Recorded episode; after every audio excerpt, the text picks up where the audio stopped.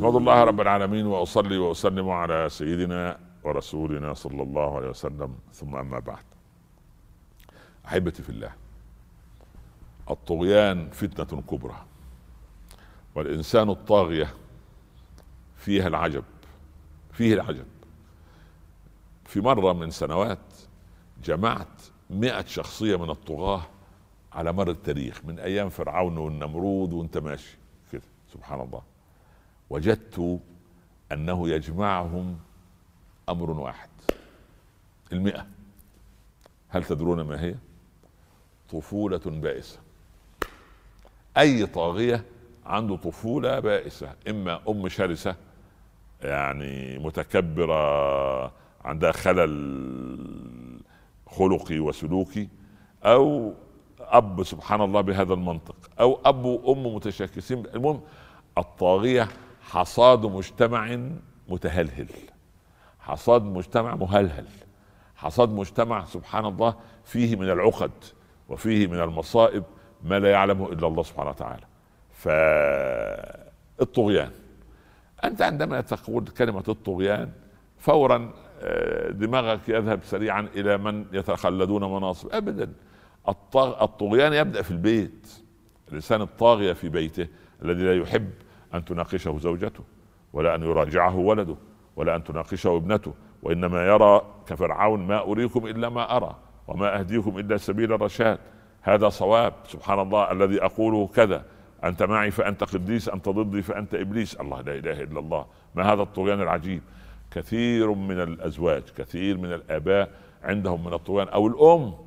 الأم لما تكون عندها محبة الطغيان تصير كارثة وبالذات إذا كان زوجها ضعيف الشخصية أو أن سبحان الله مات ورحمه رب العباد من وجهها ومن حياتها وتوكل على وصار بين يدي الرحمن الرحيم.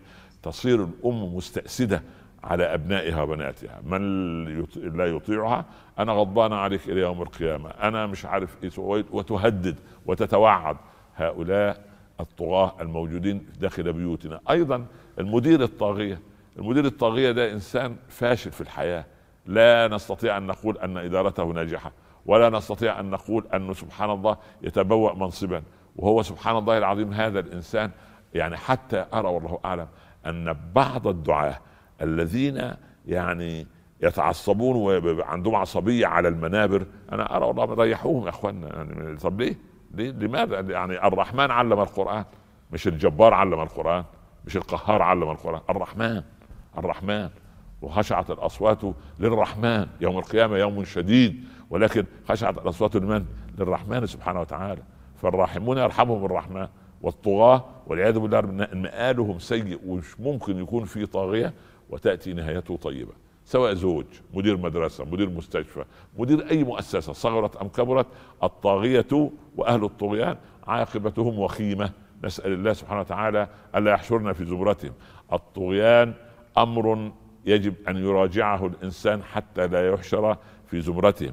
فكم نذكر سبحان الله يعني آه، آه، يقولون آه، لقد جرت الأذكار بجور سدوم وهو من أظلم البشر. واحد اسمه سدوم كان يقف مع الظالم ضد المظلوم كان قاضي والعياذ بالله ومشهور بالظلم. يعني مثلا الشريح بالعدل عمر بن الخطاب عمر بن عبد العزيز ده بالعدل ده سدوم والعياذ بالله يعني كان ظالم كان ظالما. فكان لقد جرت الأمثال بجور سدوم وهو من أظلم البشر. فلما بدت في الكون آيات حكمهم إذا بسدوم في حكومته عمر. المسألة قياسية. سدوم طلع أنه عمر بن الخطاب عدلا نتيجة الذي يراه الناس بعد ذلك على مثار ممر التاريخ. أحبتي في الله لا نريد أن يكون أن نكون طغاة في بيوتنا ولا في مجتمعاتنا ولا في مؤسساتنا بل على العكس وجب علينا أن نتقي رب العباد سبحانه وتعالى وأن نعدل وأن نكون عادلين ولا نكون طغاة ولا نتجبر ولا نتكبر ولا نشعر أننا من طينة أخرى ولا نشعر أن أوامرنا يجب أن تنفذ ويجب أن إحنا سبحان الله لا عقلاء إلا نحن ولا عباقرة إلا نحن ولا أذكياء إلا نحن. هذه كلها عبارة عن عقد نفسية ومشاكل عجيبة يجب أن نتخلص منها. أحبتي في الله الطغيان فتنة تعصف المجتمعات عصفا والطاغية المصيبة أنه لا يضر نفسه فقط بل يضر نفسه ومن معه ومن ومن يحيط به ومن يتولى أمرهم. ولذلك وجب علينا أن نرشد من سلوكياتنا وأن ندرب إحنا أنا أرى والله أعلم أن يعرض الزوج المتقدم على أطباء نفسيين عشان يدونا شهاده أنه خالي من الأمراض خالي من الطغيان ومن الكبر ومن الحسد ومن الحقد ومن ومن ومن عقدة النقص أو عقد النقص. لأن أنا هفرح بزوج بنتي لما يجي وأعرف إن هو خالي من السكري ولا مرض كذا ومرض كذا. لا أنا عايز أعرف إنه هل هو خالي من, من الكبر وخالي من مرض الجهل وخالي من مرض الأنا وخالي من مرض الطغيان؟ نحن نريد أن نكون صرحاء نسأل الله الا يحشرنا وإياكم في زمرة أهل الطغيان ويجعلنا وإياكم من أهل العدل والرحمة. إن ربي على ما يشاء قدير. والسلام عليكم ورحمة الله تعالى وبركاته.